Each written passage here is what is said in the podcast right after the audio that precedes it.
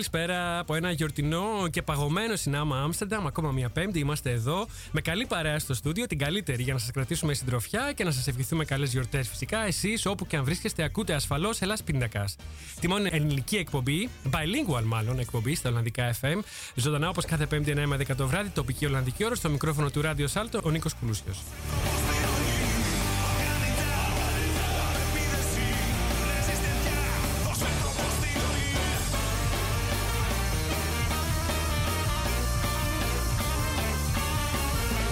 Εκπέμπουμε ζωντανά από το δημοτικό σταθμό του Άμστερνταμ. Υπάρχουν τρεις τρόποι για να μας ακούσετε live. Αν αγαπάτε το συμβατικό ραδιόφωνο και βρίσκεστε στην περιοχή του Άμστερνταμ, θα μας βρείτε στο ράδιο Σάλτου 106,8 των FM και καλωδιακά στο κανάλι 103,3 πάλι και μόνο στην περιοχή του Άμστερνταμ. Ενώ διαδικτυακά μας ακούτε παντού στον κόσμο από το ελλάσπιντακα.com να κλικ στο κουμπί Listen Now.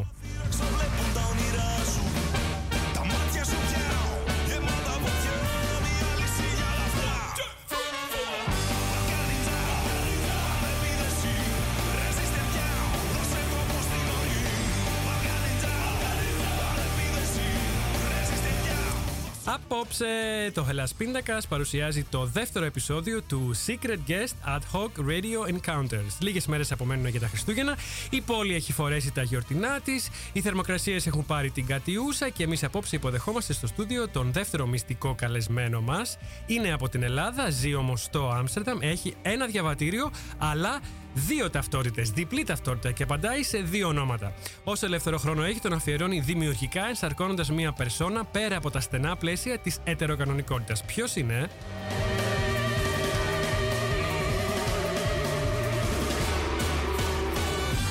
Αν είστε χρήστης λάτρης των social media, θα μας βρείτε σε όλα τα κοινωνικά δίκτυα, στη σελίδα μας σε Facebook, Twitter και Instagram.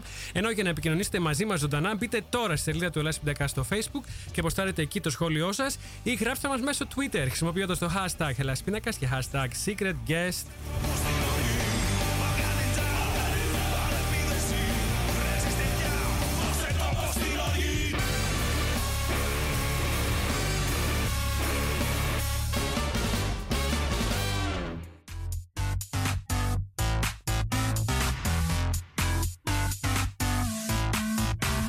Everybody wants her, Miss Sexy in the city. She's on the prowl. She rocked this town. Who's that girl? A fly ferocious lady.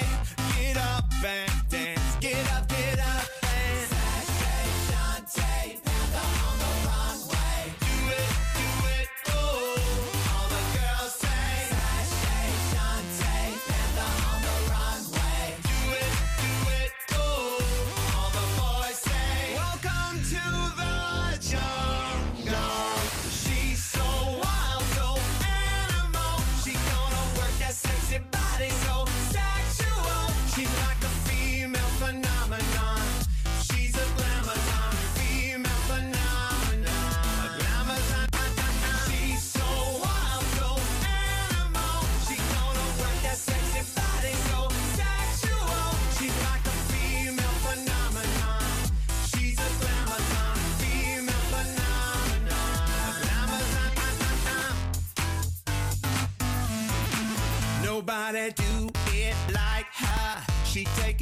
and kicking ass. You shall receive.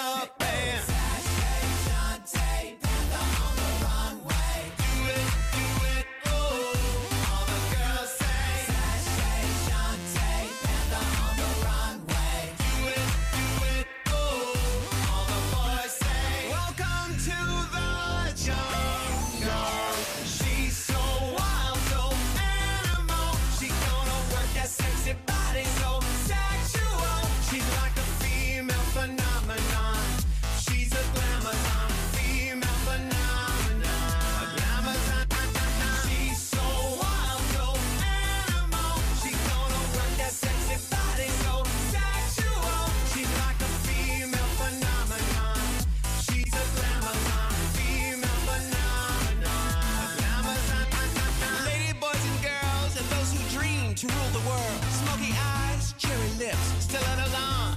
Now break it down.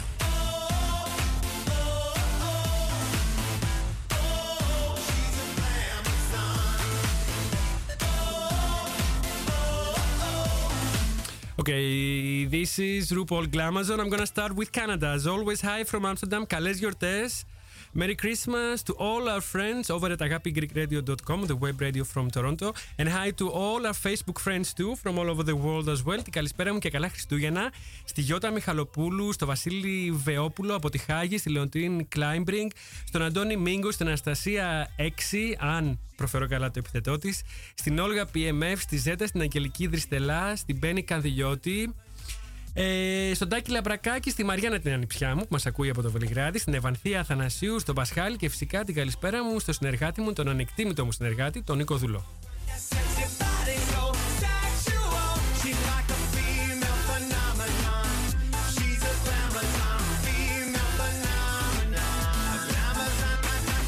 Ε, να σας πω και για το συμμαχικό διαδικτυακό ραδιόφωνο από τον Καναδά που ανέφερα ήδη, το agapigreekradio.com search my clothing, pat me down and feel the molding. Ένα ραδιόφωνο με ελληνική καρδιά που αναμεταδίδει το Ελλάς Πιντακάς μέσω διαδικτύου σε όλο τον πλανήτη. Για όσους είστε στην Ολλανδία ή σε κάποια χώρα με την ίδια ώρα με την Ολλανδία, μας ακούτε από το agapigreekradio.com σε ηχογραφημένη φυσικά αναμετάδοση κάθε μέρα στη μία το μεσημέρι.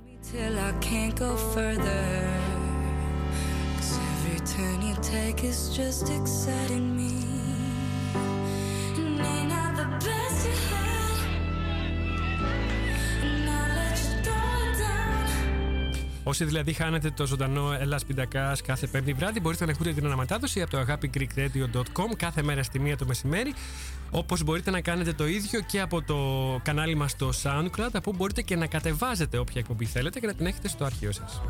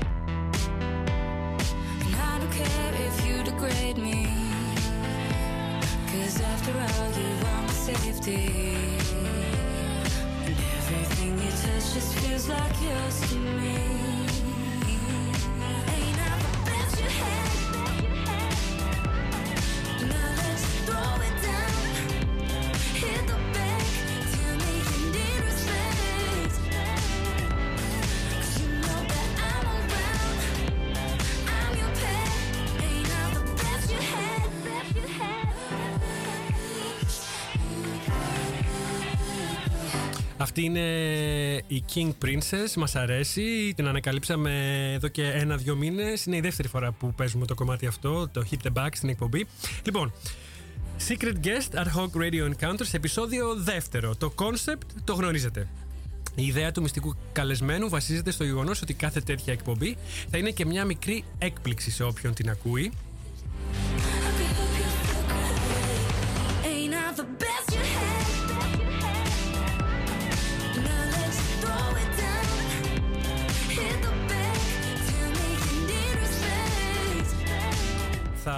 Συντονίζεστε δηλαδή στο Ελλάς Πίνακας χωρίς να γνωρίζετε ακριβώς ποιον ή ποια θα ακούσετε. Έτσι για να σας ιντριγκάρουμε λιγάκι.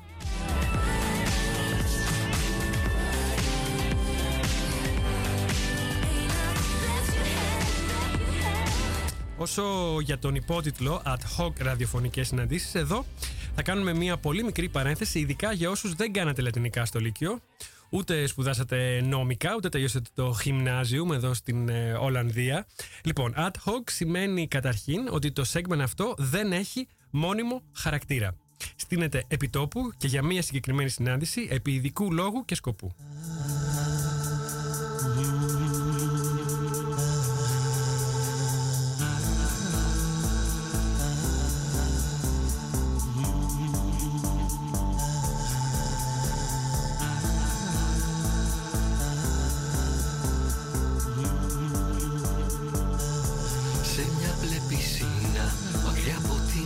Για να μου φύγει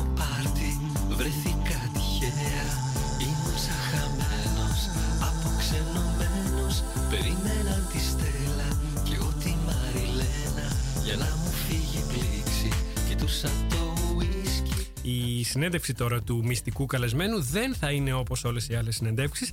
Θα είναι πιο χαλαρή, θα είναι πιο κουβέντα που θα απαιτεί, τουλάχιστον θα μοιάζει ότι απαιτεί ελάχιστο ή καθόλου σχεδιασμό. Ελά πίντακας, επί ειδικού σκοπού και λόγου λοιπόν, φτιαγμένο με υλικά πανκ στο χέρι και στο πόδι. Και ένα βλέμμα θλίψεις σε μια άδεια άκρη Πέτρες που κυλάνε σαν κολλιές που σπάνε Και όλα αυτά γιατί καμιά φορά το πρόχειρο, το αυθόρμητο, το χωρίς πολλή σκέψη αλλά με πολύ καρδιά και πάθος συνήθως είναι πιο αυθεντικό, πιο αληθινό από το καλωστημένο, το overproduced, το δημοσιογραφικά άρτιο αλλά άνευρο και αποστηρωμένο ραδιοφωνικό προϊόν.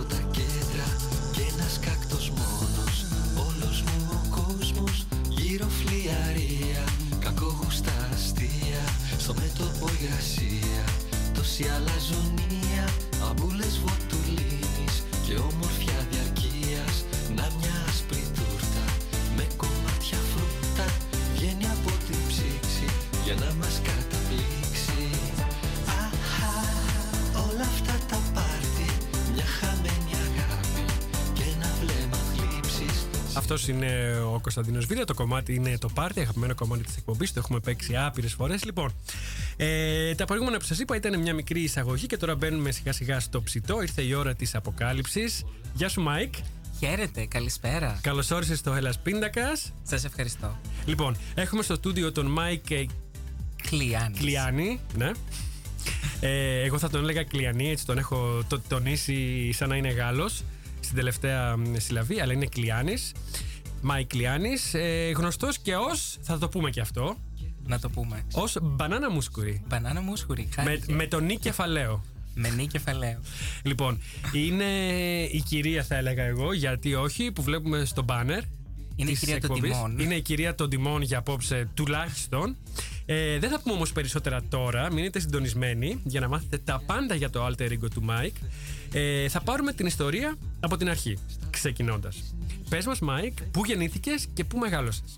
Λοιπόν, ε, Ελλάδα, Ναι. το Λεμαίδα, βόρεια. Το Λεμαίδα. Ναι, ΔΕΗ. Είσαι Μακεδονίτης, είσαι Μακεδο- ή από... Ε, αγγίζει λίγο Ήπειρο; Όχι, Δυτική Μακεδονία. Όχι, Δυτική Μακεδονία. Ναι, μάλι- ναι, ναι. Μάλιστα.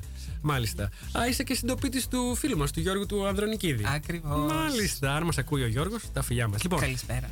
ναι, την καλησπέρα μας. Πες μας, τι αναμνήσεις έχεις από εκείνα τα χρόνια. Μεγαλώντας. Ω Ε, το παιδί Λεμαΐδα- στο Λεμαίδα. Ναι, ε, Πώς ήταν η ζωή; Το Λεμαίδα μεγάλωσα μέχρι γυμνάσιο. Δεν, έφ- δεν έκατσα πάρα πολύ. Μετακομίσαμε μετά Αθήνα. ε, αλλά. Πέρασες και από Αθήνα. Ακριβώς. Έχεις δηλαδή και λίγο τον αέρα του πρωτεύουσιάνου. Εννοείται. Ναι. Ναι, ναι, ναι, όχι. Λίγο ε, πιο ευθεία το μικρόφωνο, αυτό ήθελα να. Είμαστε εδώ. Τέλεια. Πάρα πολύ καλά.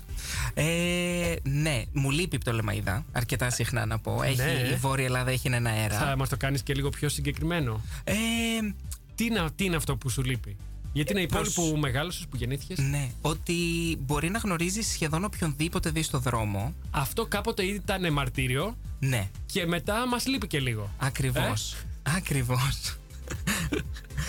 και Ναι, ναι. μετά Αθήνα, όπου η Αθήνα μου αρέσει επίσης για λόγους... ε, Σε ποιον δεν αρέσει η Αθήνα; Ναι. Νομίζω, Ε, αν σε έχεις πολύ ζήσει- κόσμο δεν αρέσει η έχεις, Αθήνα. έχεις δίκιο, αλλά έχει σημεία αυτό ακριβώς. και έχει κομμάτια που νομίζω είναι αναμφισβήτητα όμορφ- στην ομορφιά τους. Και, και... Ε, μεμονωμένα έχει πολύ ωραία μέρη. έτσι Ε, είναι. το καλό είναι ότι στην Αθήνα έχουμε, έχω πολλούς φίλους σε διάφορες περιοχές, οπότε μπορώ να πάρω από παντού πράγματα. Ε, και μου λείπει και αυτό. Ε, αλλά να πω την αλήθεια, Άμστερνταμ Ναι. είναι σπίτι. Είναι Αλήθεια. το σπίτι μου. Ε, τι ρωτάω κι εγώ, αλήθεια. Έτσι θα είναι. Έτσι είναι. Πλέον. Θα έρθουμε και στο Άμστερνταμ. Ναι, ναι. Ε, μην προτρέχεις όμως. Όχι. Είμαστε ακόμα στην Ελλάδα. Λοιπόν, Τέλεια. μένουμε ακόμα Ελλάδα. Είμαστε Ελλάδα. Είμαστε από το Λεμαίδα, πήγαμε στην Αθήνα. Πες μας λίγο, α, σε τι ηλικία πήγες Αθήνα, Ε, 14. Σχολικά χρόνια. Μάλιστα. Δε- ε, 12-14. Γυμνάσιο. Είναι, Γυμνάσιο. είναι αυτό, γυμνάσιο. Ε, Πες μας λίγο, τι, ήσουν καλός μαθητής και σε ποια μαθήματα, αυτό με ενδιαφέρει. Ου. Πού είχες έφεση, κλίση που λέμε; Ε, γενικά δεν, δεν μπορώ να πω ότι ήμουν από τους καλύτερους μαθητές. Α, πού είχες έφεση όμως, Στα Ε. καλλιτεχνικά, στη μουσική. Και όμως όχι. μαθηματικά άλγευρα. Για είχες. κάποιο λόγο, ναι. Ενώ μου αρέσουν τα καλλιτεχνικά, πήγαινα Ναι. πάρα πολύ καλά. Διοργάνωνα σχεδόν κάθε χρονιά τις εορταστικές. Ήμουν σίγουρος ότι κάτι θα έκανες δημιουργικό. Ναι. Ήμουν σίγουρος. Έπαιρνα ώρες από, το- από τα μαθήματα για να σχεδιάσω Ναι. τη σκηνή. Το οποίο Άρα το, διο- το διάβασμα δεν το πήγαινες. Ήθελες όμως να κάνεις αυτά που αγαπούσες να κάνεις. μετά από κάποια χρόνια το διάβασμα μου ήρθε από μόνο του. Το προτίμησα. Ε, Ορίμασες. Αλλά, ακρι- ναι, Και είναι το που- εκτίμησες. Ναι, ακριβώς αυτό. Ε, δεν, δεν ήμουν ένα παιδί που θα κάτσω Ναι. να διαβάσω επίτηδες γιατί ήξερα ότι την επόμενη μέρα θα έχουμε ένα τεστ. Θα γράψω ό,τι ξέρω. Και συνήθως ήταν αρκετά αυτά που Ό,τι ήξερα. ξέρω. Ωραία. Λοιπόν, ε, πες μας όμως και τι όνειρα έκανες. Ε, Τι ήθελε να γίνεις. Ναι. Ε, λοιπόν, καταρχάς είμαι κομμωτής. Ε, Ωραία. αρκετά χρόνια, ήδη από Ελλάδα. Αυτό όμως δεν νομίζω δεν ξεκίνησε από πολύ μικρή ηλικία. Αυτό ξεκίνησε από πάρα πολύ μικρή Αλήθεια. ηλικία. Αυτό ξεκίνησε ούτε καν δημοτικό στην Πτολεμαίδα. Πώς και έτσι; Κα- καμία ιδέα. Συνήθως τα όνειρα είναι ενός παιδιού είναι ας πούμε μεγάλα και λίγο υπερβολικά και λίγο έξω από το μέτρο του δυνατού δυνατού. Δεν είναι κάτι έτσι τόσο. Δεν θέλω Τόσο να πω. μεμπτό. Καθημερινό θα έλεγα. Ναι. Ξέρεις, λίγο, λίγο πιο στα Ναι. καθημερινά. Το Ναι. όνειρο του Ας πούμε κομμωτή που πιλότος, είχα- αστροναύτης και τέτοια περί, περίεργα. Ναι, νομίζω όμως ότι σε αυτά τα όνειρα δεν μας αφήνουν να πάμε και ιδιαίτερα. Δηλαδή θα ήθελα Γι' αυτό αστροναύτης. είναι και όνειρα. Αλλά Γι' πού αυτό να- είναι και όνειρα. Πού να σου πει ο Καταλαβαίνω. πατέρας στην Πτολεμαίδα πώς θα Όντως, γίνεις όντως. αστροναύτης. Ηθοποιός, σκηνοθέτης. Αυτό. Ε, δεν θα με πείραζε καθόλου. Ναι, ναι, ναι. Έχω υπάρξει και μέλος σε ερασιτεχνικές Καταλαβαίνω. ομάδες. Ήμουν σίγουρος. ε, αλλά όχι, γενικά κομμωτής από μικρός. Α, το είχες δηλαδή Το το, είχα- μικρόβιο. Ε, Μάλιστα. Ε, το έκανες πραγματικότητα στην Ελλάδα, όσο Το ήσουν; έκανα στην Ελλάδα. Α. Ε, Δούλεψες εν ως μέση κομμωτής. ηλικίου, δούλεψα κάτω, πήρα κάτω το πτυχίο μου κανονικά. Ε, το θέμα είναι ότι ξεκίνησα λύκειο κανονικά με την α, προοπτική και την ιδέα ότι θα πάω πανεπιστήμιο. Γιατί αυτό πιέζανε οι γονείς και αυτό θα θέλανε. Είχατε δέσμες; Ε, όχι ακόμα, δεν είμαι Α, Ναι. τόσο μεγάλος, ευχαριστώ. όχι, όχι, έχω δώσει κανονικά με πανελλήνιες. Ήμασταν τότε στα 9 μαθήματα. Α. Οπότε ήμουν, όχι το 12, δεν πρόλαβα τη χειρότερη τι, χρονιά. Τι είχατε τότε κατε, κατευθύνσεις; Ε, Είχαμε κατευθύνσεις ακριβώς. Και ποια ήταν η κατεύθυνση σου; Ε, πήγα τεχνολογική, γιατί δεν, Wow. α, θεωρητικά δεν θα ήθελα με τίποτα. Θετικά μ, δεν το συζητάμε. Ναι. Πάμε τεχνολογικά για να δούμε πού θα βγει. Μάλιστα. Ε, Πατέρας Έδω- αρχιτέκτονας. έδωσες. Α. Και θα ήθελε εργολάβος αρχιτέκτονας και θα ήθελα να πάω προς τα εκεί. Ε, Θα σου πω, μου αρέσει πολύ και αυτή η κατεύθυνση, αλλά δεν έχω την υπομονή της. θέλει. Ακριβώς. Ε, Έδωσες; Ε, έδωσα. Ναι. Ε, Απλώς το θέμα είναι στην αρχή της Τρίτης Λυκείου αποδεχτήκαν ότι και θα δώσω και θα περάσω εκεί που θέλουν, αλλά εγώ θα κάνω κομμωτική ταυτόχρονα γιατί αυτό είναι που ήθελα εγώ. Άρα πέρασες και δεν πήγες; Ε, δεν πέρασα τελικά στη σχολή που θέλανε, Α, ναι. γιατί στην αρχή της Τρίτης Λυκείου ε, μου δώσανε το ελεύθερο να τα σχετικά ψιλοπαρατήσω, να μου πούνε εντάξει, δώσε πανελίνε για να πάρεις το πτυχίο, γιατί αλλιώς δεν μπορείς να πάρεις πτυχίο από Λύκειο χωρίς πανελίνε. Ναι, σωστό και αυτό. ε, και μετά μου πληρώσανε και τη σχολή. Κομμωτική. Πήγες σε Πήγα ξεχωριστή κομμωτική. σχολή. Και ναι. Άρα δηλαδή ε, σε στήριξανε. Αρκετά. Να πούμε και μια καλή κουβέντα για τη μαμά και Πάντα τον, και τον παντού. παπά. Τι ωραία. Θα μου Πάντα. τα πεις και μετά, θα, θα σε ρωτήσω λίγο πιο συγκεκριμένα. Ναι. Μεγαλώνοντας ε, στην εφηβεία, πώς ήταν τα πράγματα, γιατί πέρασαμε τώρα στην εφηβεία, Ναι. έτσι. Ε, και ήθελα να, να σε ρωτήσω αν έκανες κάποτε τη δική σου επανάσταση και ποια ήταν αυτή. Χμ, ε, νομίζω πως ε, αισθητά όχι, ή, το- όχι, συνειδητά δεν την Συνειδητά έκανα. όχι, ναι. ε, ασυνείδητα την έκανα. Έκανες Όταν- δηλαδή μικρές επαναστάσεις. Ναι, από το μαύρο μαλλί ξαφνικά πήγα σπίτι με καστανό σκούρο, λες και δεν θα Α. το καταλάβαινε κανείς. Ε, δεν είπε κανένας τίποτα γιατί δεν φαινόταν έντονα. Αλλά ξαφνικά το Πάντως καστανό το έγινε καστανό- ανοιχτό πιο πολύ. Ένα τόνο παρακάτω. Ε, και ένα τόνο τσικ παρακάτω. παρακάτω. Και Μάλιστα. ξαφνικά ήταν πορτοκαλί. Μάλιστα. Εγώ μία φορά τους είχα πει ότι ε, έπεσε ένα λεμόνι. Σαν κομμωτή θα Τώρα φύγω η από το εκπομπή δεν στούντιο. είναι για μένα. λοιπόν, ναι, ναι. Ε, άρα να τολμήσω να πω ότι είχες ανακαλύψει από νωρίς την ταυτότητά Ναι, σου. Ναι. αρκετά. Δεν νομίζω ότι υπήρχε άτομο που να παραξενεύτηκε. Ένιωθες ότι ήσουν διαφορετικό από ό,τι υπήρχε γύρω σου ως mainstream; Ε, Το ένιωθες ως κάτι διαφορετικό; όχι, δεν το ένιωθα σε κάτι διαφορετικό, Όχι. γιατί και από το σπίτι υπήρχε πάντα μία αγάπη. Ποτέ δεν υπήρξε θέμα με κανένα μέλος της οικογένειας. Ακόμα και, αν, ε, και όταν καταλάβαιναν ότι εί- είσαι μάλλον γκέι. Ε, ναι, κοίτα, ε, ας πούμε τον πατέρα μου μπορεί να ήμασταν πολύ κοντά, αλλά δεν, θα κάτσαμε, δεν θα κάτσουμε ποτέ να κάνουμε μια συζήτηση εκ βάθ. Ναι, ναι. Δεν, δεν υπάρχει λόγος με κάποια άτομα. Ναι. Ε, οπότε δεν θα θυγόταν ποτέ αυτό το θέμα. Ωραία. Ε, το Σου δέχτηκε έδινε όμως το χώρο σιωπηλά. σου; Πάρα πολύ. απίστευτα. Ε, η μητέρα ήταν ακριβώς πάρα πολύ κοντά. Ναι. σε σημείο ότι στην τρίτη Τόσο κοντά που λυκείου- νομίζω ότι η μητέρα καταλαβαίνει και ξέρει. Ε, σε και μένα δεν χωρίς μπορείς... να, Ναι, και όχι. χωρίς να πεις κάτι, ε. Ε, Ισχύει. εγώ δεν βγήκα καν ποτέ από την τουλάπα, όπως Δεν λέμε. χρειάστηκε. Δεν χρειάστηκε. Ήταν, ήταν εκεί. ε, οπότε η μητέρα μέχρι που πλήρωσε και extension στην τρίτη ηλικίου, γιατί πώς θα πάω πενθήμερη χωρίς μακρύ μαλλί. Δεν ήταν ωραίο, αλλά το έκανα. Αγαπάμε τη μαμά, Κλειάνη. λοιπόν, το όνομά της Αριστεία. Αν μας ακούει, κυρία Αριστεία, τα φιλιά μας και καλές γιορτές να έχουν και οι δύο γονείς σου και όλοι οι Πτολεμόνοι. Θα φαντάζομαι είναι ακόμα εκεί. Ε, η μητέρα είναι Αθήνα, γιατί Α. η μαμά είναι από κάτω, ο μπαμπάς.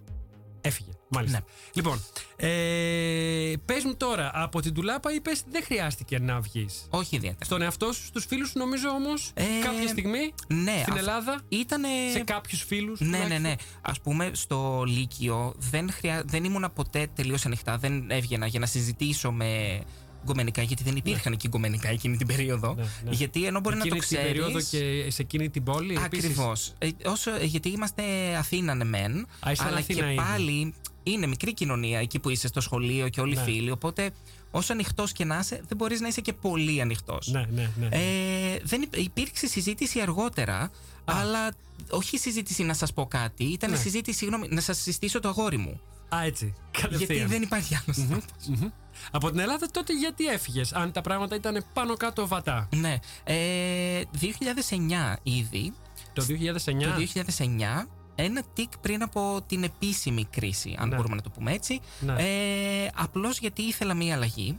Ωραία. Ε, μετακόμισα Άμστερνταμ με τον πρώην μου, ε, με τον Θάνο, με τον οποίο ήμασταν μαζί αρκετό Την διάστημα. επιλέξατε την ε, Ακριβώς. πόλη ε, συγκεκριμένα; Ναι, ε, βασι- Η επιλογή ήταν συγκεκριμένη; Περίπου. Ήταν ε, επιλογή δια διαγραφής άλλων επιλογών. Αχα. Γιατί ε, 2009 πού θα μετακομίσεις; Στην Ναι. Αγγλία που ήδη έχουν μια κρίση Γερμανία χωρίς γερμανικά Και τελικά λέμε γιατί όχι Ολλανδία; Α, μάλιστα. Ξεκινάς με τα αγγλικά και μαθαίνεις τη γλώσσα σιγά σιγά Ωραία.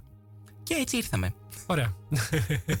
οι, οι δυο σας ήρθατε. Οι δυο μας χωρίς να ξέρουμε κόσμο Ναι. ε, Ένας γνωστός γνωστού μας παρέλαβε από το αεροδρόμιο Και από τότε ό,τι έχουμε κάνει θα πω σχετικά μόνοι μας και Είστε ακόμα μαζί; Όχι, όχι, είμαστε πολύ καλοί φίλοι Είστε πολύ καλοί φίλοι, αλλά είστε και οι δύο, ε, Είμαστε και οι ακόμα δύο εδώ. ακόμα εδώ σταθερά ε, Έχει γίνει βάση ε, Δεν είμαστε μαζί Είμαστε χαρούμενοι ο ένας για τον άλλον Αυτό αρκεί Ωραία.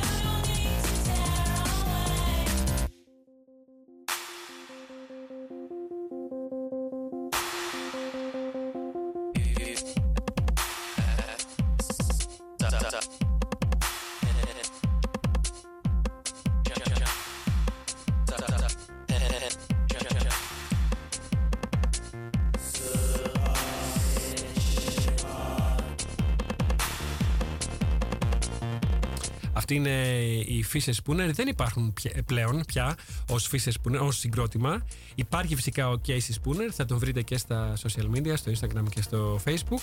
Ε, και ο κύριος Fisher φαντάζομαι θα υπάρχει κάπου.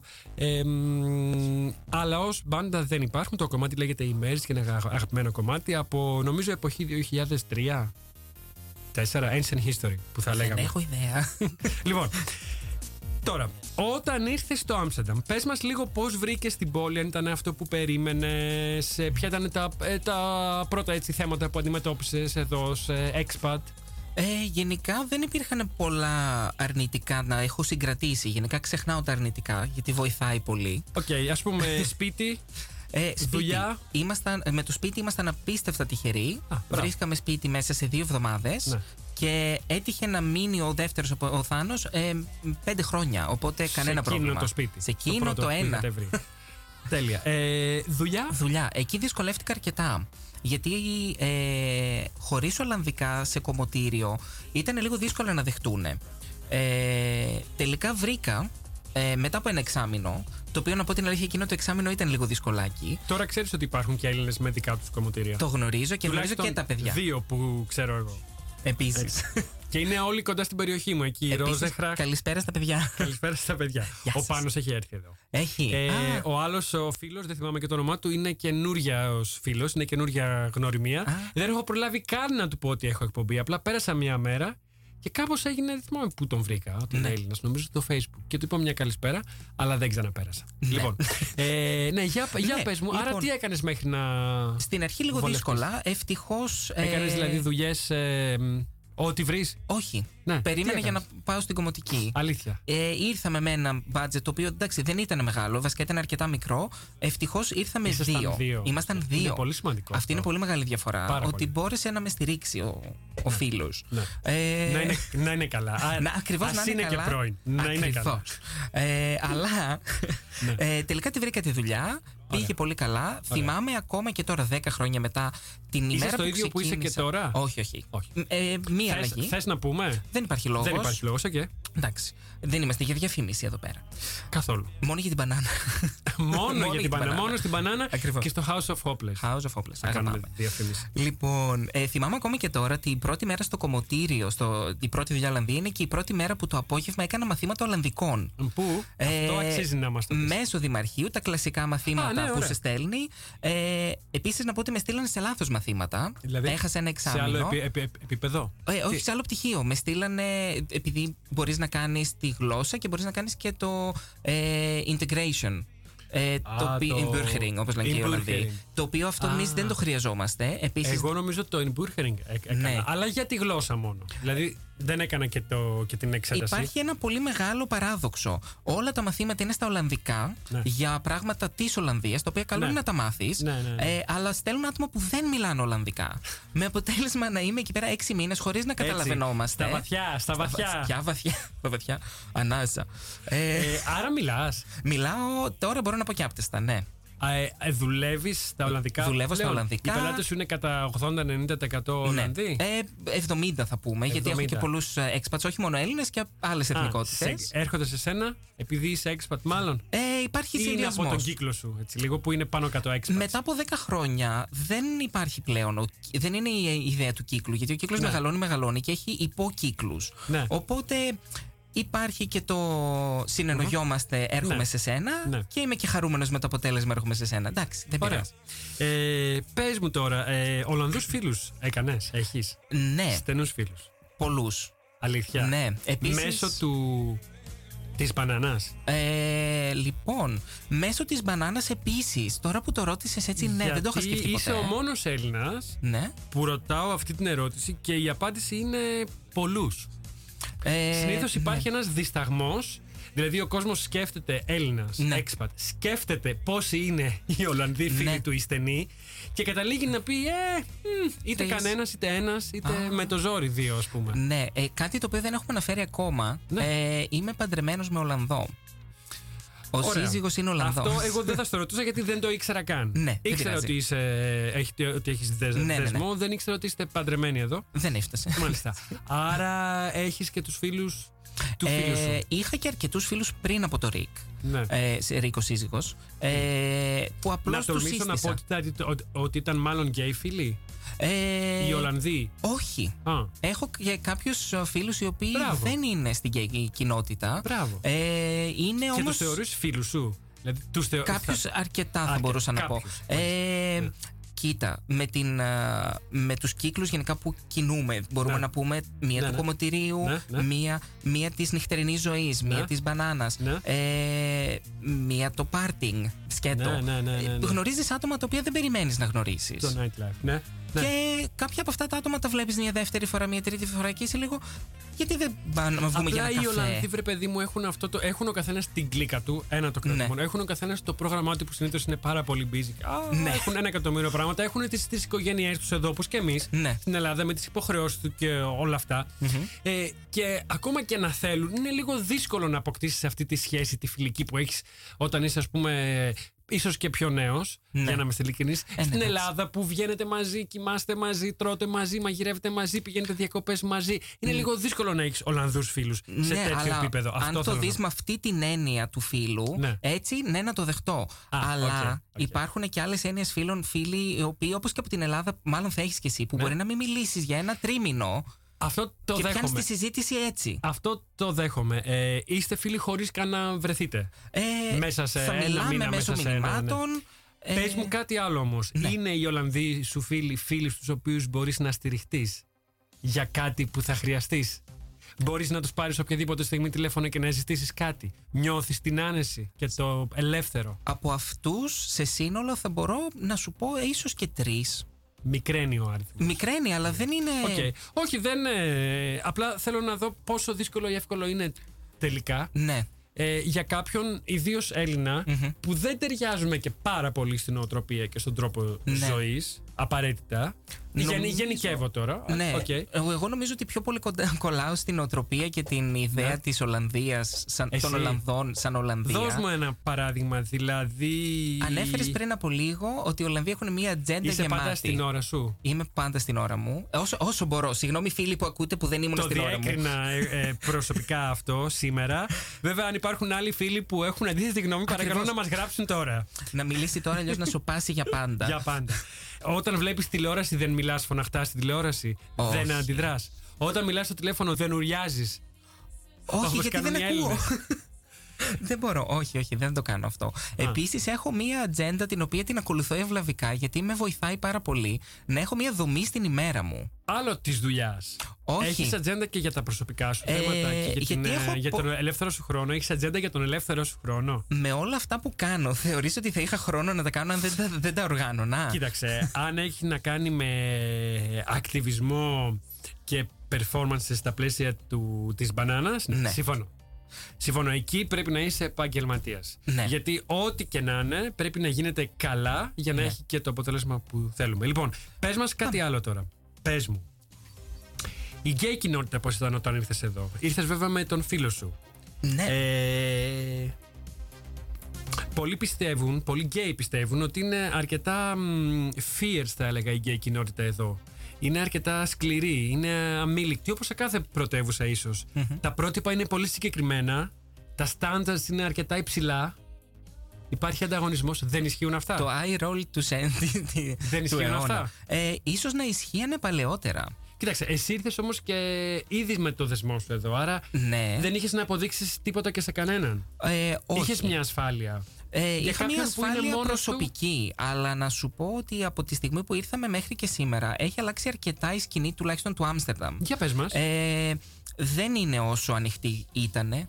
Δεν είναι τόσο Γιατί; δεκτική όσο ήταν. Γιατί; Ε, γιατί Τι όπως, άλλαξε; Ε, νομίζω ότι γενικά είναι ένα, δι- ένα διεθνές φαινόμενο τα τελευταία χρόνια ε, το οποίο οτιδήποτε πλέον μας ενοχλεί μπορούμε να του δώσουμε ένα όνομα και να το, να το αναγνωρίσουμε όμως αυτό αρχίζει ταυτόχρονα να ενοχλεί και κόσμο που δεν θα ήθελε να το αναγνωρίσει αυτό. Είτε πρόβλημα είτε ιδιότητα. Ε, Δηλαδή, όσο πιο ανοιχτή είναι η ζωή ενός γκέι, τόσο μεγαλύτερη αντίδραση προκαλεί στο τέλος τέλος. ακριβώς υπάρχει μια δράση Δηλαδή, και ο μια γκέι αντίδραση γάμος, αντί να φέρει μια ε, κανονικότητα στην ουσία έκανε, δημιούργησε περισσότερες, προκάλεσε δι- περισσότερες αντιδράσεις γιατί η ορατότητα, το visibility Ακριβώς. έκανε τον κόσμο που κανονικά μπορεί να μην αντιδρούσε να αντιδράσει. Ναι, ακριβώς. Ε, αυτό όμως εμάς δεν μας ε, πτοεί, δεν μας Καθόλου. σταματά. Δεν, δεν ήρθα εδώ για να ξαναμπώ στην ντουλάπα που δεν ήμουν ποτέ. Ναι, ναι, ναι, ναι, ναι, δεν χρειάζεται, ναι. δεν υπάρχει λόγος. Ε, Απλώς ε, υπάρχουν και στιγμές που θα βγω από το σπίτι μου, θα βγει από το σπίτι η μπανάνα, θα μιλήσουμε στο, σε αυτήν- στο τρίτο πρόσωπο. Ναι. Ε, και θα κοιτάξει δύο-τρεις φορές αν την κοιτάει κανένας ή αν την ακολουθεί κανένας. Αχα, Ενώ ο, Μιχα... ο Μάικ δεν θα το κάνει ο Μιχάλης. αχα, αχα, αχα. Έχουμε. Ναι.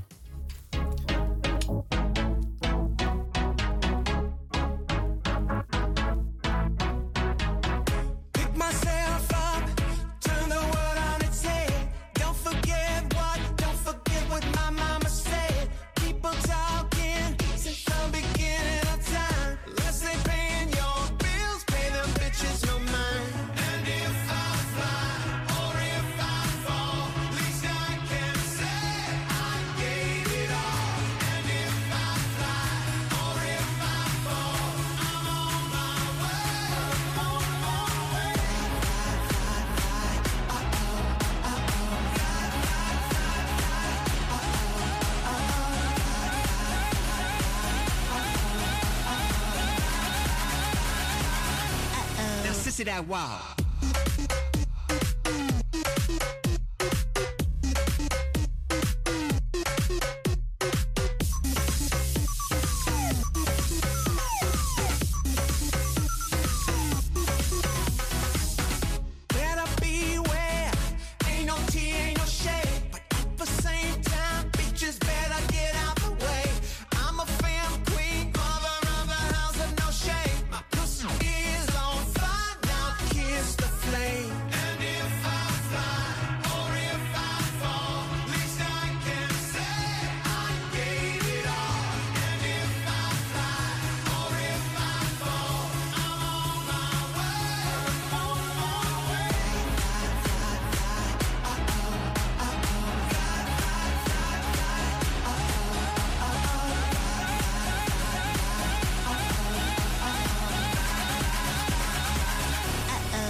Now, sissy that wow.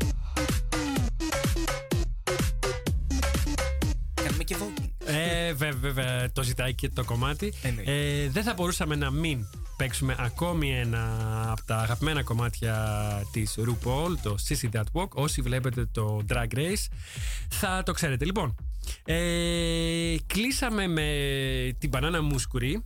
Πρι- Θα, ξα- θα ξαναμπούμε στο θέμα, ε, που είναι και το, το θέμα του τελευταίου έτσι, μέρους της εκπομπής. Πριν όμως, μιας και μιλήσαμε για Ελλάδα και Ολλανδία, θέλω μία τελευταία ερώτηση να, Ακού. σου κάνω. Πού πιστεύεις ότι η ζωή είναι πιο ελεύθερη, στην- στην Ελλάδα ή στην Ολλανδία; Και να το κάνουμε πιο συγκεκριμένο, στην Αθήνα ή στο Άμστερνταμ; Ε, υπάρχουν διάφορες ελευθερίες που μπορούμε να πιάσουμε. Δηλαδή, ε, είναι Συμφωνώ. πολύ γενική η ιδέα της ελευθερίας.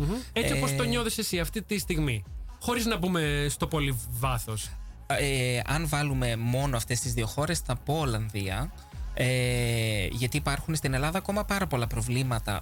Τουλάχιστον εγώ τα βλέπω σαν προβλήματα. Κάποιοι άνθρωποι δεν τα βλέπουν και με γεια τους και χαρά Και αν τους. το κάναμε συγκεκριμένο Αθήνα-Άμστερνταμ, Αθήνα, θα Άμστερνταμ. επέμενες; Ε, ναι. Ναι. Αθ- ε, μένω εδώ. OK. OK. Λοιπόν, Λοιπόν, πες μου πώς γεννήθηκε η μπανάνα μουσκουρί και Οχ. πότε; Λοιπόν, και πώς το γεννή- όνομα πώς σου ήρθε, όλα πες τα μου Λοιπόν, για την μπανάνα. όλα τώρα θα τα δούμε. Λοιπόν, μπανάνα μουσχουρί έχει κλείσει ήδη τα πέντε. Η Πέντε μπανάνα. χρονών είναι Πέντε η χρονών μπανάνα. έγινε το Halloween που μας πέρασε. Παιδούλα. Παιδούλα. θα ήθελε. Θα ήθελα.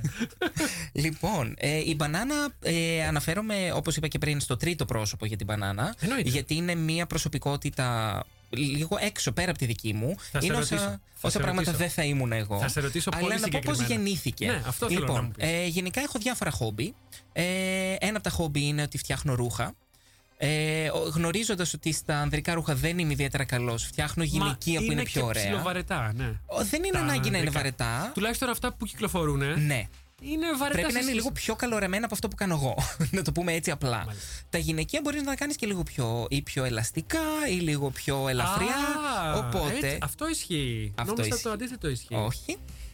Τα- το ανδρικό ρούχο πρέπει να είναι πιο καλοραμμένο. Ε, πρέπει να είναι, τουλάχιστον να είναι λίγο Γιατί; πιο, θα έλεγα, crispy, δεν μου έρχεται η ελληνική λέξη. Ναι, ναι, ναι. Ε, για να, αν θα φανεί η ραφή, να φανεί κανονικά δηλαδή στο μανίκι ή οτιδήποτε. Ενώ το γυναικείο, αν ρίξει ένα καφτάνι, βρε αδερφέ. Επειδή είναι πιο είναι αέρινο. λίγο πιο ας πούμε, αέρινο, και πιο- χάνει μάλιστα, οτιδήποτε μάλιστα. ατέλεια Οκ. έχω φτιάξει. Ενώ το ανδρικό πρέπει να είναι στημένο και να, γραμμωμένο. ας να πούμε, είναι και πάνω στην σε τρίχα. σένα, πάνω στα μέτρα σου. Α. Ενώ για την μπανάνα μπορώ να τα φτιάξω σε μία κούκλα και θα μου είναι λίγο στο περίπου ok. Στο Μιχάλη δεν μπορώ να τα κάνω πάνω μου γιατί θα καρφιτσωθώ. Μάθαμε και κάτι. Ακριβώς. Λοιπόν, για πες Λοιπόν, μας και ναι, ναι, πώς ναι. βγήκε η μπανάνα. Λοιπόν, ε, αυτό που ξεκίνησα να πω είναι ότι Ναι. είναι ε, ένα, ένα συνδυασμός από διάφορα χόμπι μου.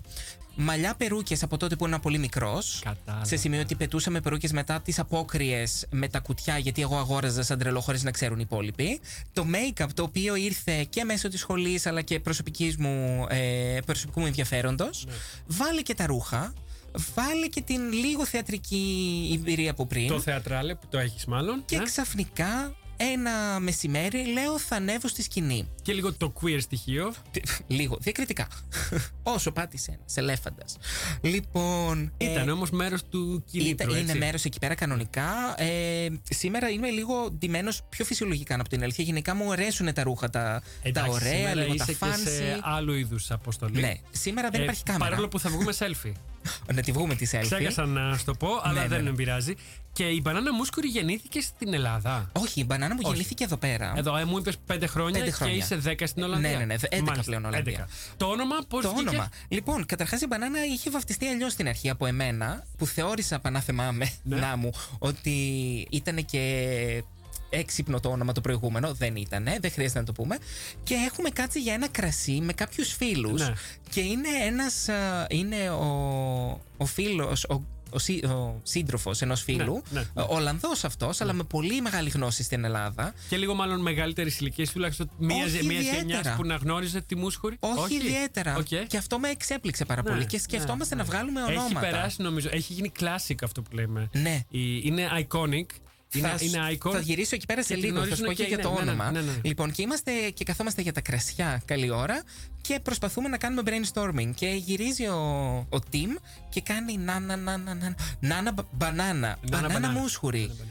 Και εκείνη την ώρα το σκέφτηκα πολύ, να σου πω την αλήθεια, γιατί απ' τη μία είναι πολύ φαν, είναι ωραίο, αλλά δεν θα ήθελα, ε, αν ποτέ φτάσει στα αυτιά της κυρίας Μούσχουρη, να μην το θεωρήσει σαν κακοπροαίρετο ή κακεντρεχές. Γιατί δεν είναι. Η αλήθεια είναι ότι είναι η Ναι. Ή, μεγαλύτερη ας πούμε, τιμή. Ότι, είναι, ότι κοροϊδεύεις λίγο. εμ, ναι, Ναι, σα- δεν την κοροϊδεύω. σαρκάζεις. Δεν, ακριβώς. Ναι, ναι. Ε, σαρκάζω Κοίταξε. την τεράστια επιτυχία που είχε. Νομίζω είναι πλέον ε, πρότυπο και σε πάρα πολλά drag show που το έχει αποδειχτεί και η ίδια. Ναι. Ξέρει νομίζω, τις έχουν πει, Ναι. τις έχουν μεταφέρει ότι την έχουν ε, Να σου πω ότι- κάνει πάρα πολύ drag performance. Ναι. Τα τελευταία χρόνια στη Γαλλία υπάρχει ένα τεράστιο κίνημα. Ε, άτομα κάνουν τατουάζ μπανάνες με τη μούρη της νάνας. Με... Δεν δουλεύεις. Όχι. Το, έχω, το βρήκα μετά, κατά λάθος, ψάχνοντα Τι κάτι για εννοείς μένα. μπανάνες με τη Ε, μούρη; κανονικό μπανάνα, μία μπανάνα, μία κυτρινούλα. Ναι. Λίγο έτσι ανοιχτή από πάνω να φαίνεται από Τι μέσα. φοράει το γυαλί το τετράγωνο; Ακριβώς. Έλα. Και είναι. Ναι. Α, ε, κάτσε. Ε, μ, ζει πλέον εκεί και έχει και φαντάζομαι ακόμα έχει Ακριβώς. ε, επιρροή. εκεί. Μάλιστα. Αυτό που έλεγες πριν λίγο για το όνομα. Έχει Ναι, πολύ πλάκα πες μου. ότι όταν συστήνομαι σε κόσμο εδώ πέρα και ξεκινάμε με τον μπανάνα, οι πιο μικρές γενιές είναι πάντα Αχ, τι ωραία, αστείο. Ναι. Και οι πιο μεγάλες κοιτάνε λίγο περίεργα. Αλλά όταν πω το επίθετο, είναι Ναι. ακρι- το, το επώνυμο είναι ακριβώς το αντίθετο. Οι μεγάλες γενιές δεν σταματάνε να γελάνε και να μου δίνουν συγχαρητήρια για το Ναι. όνομα. Και οι μικροί είναι λίγο.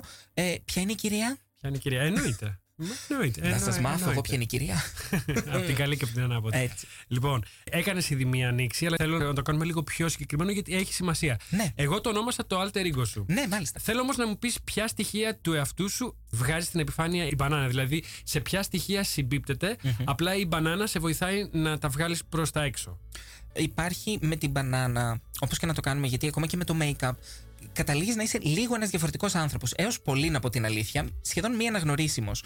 Ε, οπότε υπάρχει αυτή η ιδέα της μάσκας, όπου ό,τι τρελό και να κάνεις, το επόμενο πρωί δεν θα σε, δεν θα σε δείξει κάποιος στο δρόμο με το δάχτυλο. Όσο κακό και να είναι, υπάρχει ακόμα αυτή η ιδέα το τι θα πει κάποιος. Ενώ με την μπανάνα υπάρχει μια ελευθερία. Ότι δεν την νοιάζει τι θα πει μάσκα, ναι. κάποιος. Καταλαβαίνω και την ελευθερία. Αυτό που σε ρωτάω είναι Ναι. αν η μπανάνα σαν μάσκα σε βοηθάει να ξεπεράσεις τον εαυτό σου ή να φωτίσεις κομμάτια που υπάρχουν ήδη μέσα σου. Ε, νομίζω ότι αυτό θα πρέπει να είναι απάντηση σε όλες τις drag performers ότι βοηθάει πολύ να φωτίσεις πραγματικά δικά σου κομμάτια. Δεν θα σου βγάλει ποτέ κάτι που δεν έχεις. Ίσως να σε βοηθήσει να τα δεις καλύτερα. Ίσως όχι την πρώτη φορά, ίσως όχι τη δεύτερη. Αν δεν σου πετύχει η σκιά σήμερα, προσπάθησε. Τη 15η θα σου βγει. Απλές καθημερινές δυσκολίες. Καθόμαστε σπίτι. Διπλώνεις ρούχα, φτιάξε ένα μάτι. Ναι. Βλέπεις την μπανάνα και σαν μια έξοδο κινδύνου; Μια διέξοδο από την πεζή πραγματικότητα, μια φυγή προς το άγνωστο; Όχι, νομίζω δεν την έχω πάει τόσο πέρα. Όχι. Δεν είναι, δεν είναι ο ναυαγοσώστη μου η μπανάνα. Δεν είναι escapism, ας πούμε; Όχι, καθόλου. Όχι, Ίσα ίσα μάλιστα. είναι μια χαρά ε, η οποία χάρηκα που σε ξαναείδα. Α, Την οποία δεν τη βλέπεις κατευθείαν όταν κάτσει στον καθρέφτη. βγάζει μια παιδικότητα, σου θυμίζει κάτι από Ακριβώς τα το παλιά, μια, αντίθετο. μια νοσταλγία, γιατί λες που σε ξαναείδα. Όχι, την μπανάνα γιατί Α, ναι. δεν τη βλέπεις ενδιάμεσα από Κατάλαβα, παραστάσεις τη ή από βλέπεις, ε, show. ναι, ναι, ναι. Και ξαφνικά όταν γυρίσεις σπίτι με την κούραση, βγάζεις όλο το make-up, δεν τη βλέπεις. Άρα είναι σαν ένας παλιό φίλος Ναι, είναι. που επανέρχεται Ακριβώς. σε τακτά χρονικά διαστήματα. Ήθελα να σε ρωτήσω αν είναι μια ιδεατή ε, version του εαυτού σου η μπανάνα. Αν είναι κάτι που θα ήθελες να ήσουν Ναι. Ε, και δεν έχεις καταφέρει στην κανονική σου, στην πραγματική σου ζωή. Ναι, στη Whatever ζωή. that means. Ακριβώς. Τι είναι πραγματικότητα. Ναι, ναι, Μεγάλη ναι. συζήτηση. Α, αλήθεια. Όχι. είναι όμως μια, ένα idealized version of yourself. Ε, Καταρχάς, η μπανάνα συνεχίζει και εξελίσσεται συνέχεια. Δηλαδή, Μάλιστα. μπορεί να ξεκίνησε κάποια στιγμή σαν την ιδέα που θα είχα, ποια θα ήταν για μένα η, καλ- η δονικότερη γυναίκα. Ε, γιατί θα είναι και λίγο πιο stylish, αλλά θα Φλετάρεις με την ιδέα του άλλου φίλου. Έχει. Ε, Ενώ ε, σε τι βαθμό; Θα σου πω καταρχάς. Ε, Γιατί το υπάρχει γυναικείο κόσμος φύλλο. που δεν πολύ γνωρίζει και νομίζω ας πούμε, ότι ένα drag queen στην πραγματικότητα θα ήθελε να είναι γυναίκα. Ναι, όχι, αυτό δεν υπάρχει καθόλου. Δηλαδή σε ποσοστό 0%. Ε, γνωρίζω ε, ποιος είμαι, γνωρίζω το τι θέλω, γνωρίζω και επίσης το τι δεν θέλω. Ναι. Ε, γνωρίζω ότι η μπανάνα είναι ένας χαρακτήρας. Ε, θεατρικός, μη θεατρικός, ένας χαρακτήρας Ναι. που κάνει improv. Μπορούμε να το πούμε και έτσι. Ε, βέβαια. Ε, αλλά όταν γυρίσει στο σπίτι το βράδυ και βγάλει το make-up, δεν είναι η μπανάνα, έχει Ναι. μείνει ο Μιχάλης. Ναι, ναι. Έχει ναι. μείνει ο Μάικ. Μάλιστα. Άρα δηλαδή τραβάς μια γραμμή Την έχω τη γραμμή. κάποια για- στιγμή μέσα στην ημέρα ή Ναι. αφού συμβεί όλο το νταβαντούρι. Αυτό χρειάστηκε να Τραβάς το μια κάνω. γραμμή και επιστρέφεις στο Μάικ. Ναι, επίσης. Αυτό ισχύει. Sorry που Ναι, σε συγγνώμη, διακόπτω. ακού- ναι, δεν υπάρχει θέμα. Διακόπτω λίγο και τη ροή σου, αλλά μου έδωσες έτσι πάτημα για να ρωτήσω κάτι άλλο. Αυτό πιστεύεις ότι ισχύει με όλους τους performers ε, όχι. drag queen; Όχι. γιατί μέσα στην, α, στη- ε, στην κοινότητα με όλους τους performers, με όλα τα άτομα που υπάρχουν έχουμε και άτομα τα οποία είναι ήδη εμφυλικά ή τα οποία Μάλιστα. δεν ε, βρίσκονται σε... μπορούμε να πούμε... Και αφομοιώνουν την περσόνα τους. Δηλαδή γίνονται στο τέλος. χάνουν τον προηγούμενο εαυτό τους και γίνονται η περσόνα. Γίνονται Ε, το... Να ξεκαθαρίσουμε λίγο ότι συνήθως η ιδέα της drag queen Ναι. είναι ότι είναι μια, ε, ένα exaggeration, ένας, ε, Ωραία. ε, μια μεγαλύτερη περσόνα από κανονική γυναίκα. Γιατί όπως και να το κάνουμε δεν θα περνούσε ποτέ για γυναίκα. Ναι. Δεν, είναι, δεν θα περνούσε σχεδόν κανένας μας. Υπάρχουν λίγες εξαιρέσεις. Εννοείς από φυσικά Ε, χαρακτηριστικά. Φυσικά και Οκ. σωματικά Ναι, από ναι. μόνοι μας. Ναι, ναι. Ε, οπότε, ακόμα και κάποιος ο οποίος θα ήθελε να κάνει αλλαγή φύλου ή να προχωρησει και ξεκινάει να κάνει drag γιατί νιώθει καλύτερα σε αυτό το σώμα, Ναι. ποτέ αυτή η προσωπικότητα τόσο μεγάλη όσο είναι μια drag queen δεν είναι ok για καθημερινή χρήση. Μάλιστα. Είναι λίγο too much για Ναι. κάθε μέρα και για κάθε λεπτό της ημέρας. Ακριβώς. Δηλαδή, καμία φυσιολογική γυναίκα. Συγγνώμη, Ναι. κορίτσια, αν υπάρχει. Εκτό αν ζεις στο. Πώς τα λέμε, στο Fire Island. Όχι στο. Α, ε, Πώς το ναι, λένε, ναι. στο, στην Αμερική, Αυτό, σε κάποιο. East Γκέι θέρετρο, δεν ξέρω. ναι, ναι, ναι. Ακριβώ.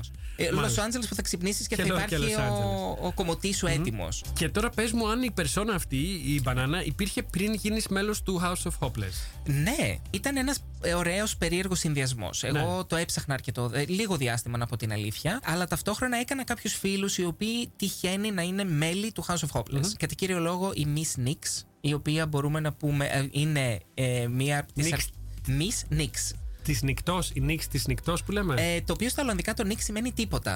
Α, ναι, την οποία- με άλλη ορθογραφία. Οκ, Ακριβώς. ναι, ναι, ναι. Ε, είναι Α, Nix. αυτό είναι Miss Nix. Miss Nix, Nix Nada, τίποτα τίποτα Nix λοιπόν, Nada. γιατί δεν θέλει να ονομάζεται. Ωραία, ωραία. Ε, με την οποία ήμασταν αρκετά φίλοι πριν Ναι. εγώ εξομολογηθώ ότι θέλω να κάνω drag. κάποια στιγμή το εξομολογήθηκα. Βρεθήκαμε σε 5-6 events κατά τύχη. Και αφού έχω εξομολογηθεί ότι θέλω να κάνω drag, ξαφνικά ένα μεσημέρι με παίρνει τηλέφωνο και μου λέει στις 7.30 ώρα στην τάδε διεύθυνση in drag. Και λέω, τι εννοείς. Μου λέει να είσαι έτοιμη εκεί. Έτσι γίνονται. Μπαμ πάμε εδώ στην Ολλανδία. Ε, θα σου πω ότι Τα ήταν πράγματα. λίγο σοκαριστικό γιατί ήταν κατά τη διάρκεια. Στα βαθιά, παιδί μου. Στα Άμστερ- βαθιά. Μισό. Amsterdam Dance Event. Σε πάρα πολύ Α, μεγάλο ναι. event με πολλά ονόματα τα Ναι, οποία. αλλά εγώ- όμως φαντάζομαι στη- στο stage δεν ήσουν μόνος σου. Είχε κι Όχι, άλλο κόσμο. ε, και κάπως κυρίως κάναμε- Θα καλυπτότανε το. Ε, δεν Ήσασταν ήμουνα ομάδα. stage εκείνη την ημέρα, ήμουνα ε, Backstage. υποδοχή, Υποδοχή. Ε, και να κάνουμε Ξέρουν. χαβαλές στον κόσμο. Ξέρουν πώς να. Ναι, Σε εννοείται. βάλουν σιγά σιγά. Αλλά όταν έρχονται πνεύμα. διάσημοι που κάποιο τρόπο. Ξέρεις τους... ότι μας έχουν μείνει τέσσερα Όχι, λεπτά; συγγνώμη. Τέλος πάντων. Όχι, Και έτσι όχι, δεν είναι ξεκινάμε. δικό σου λάθος.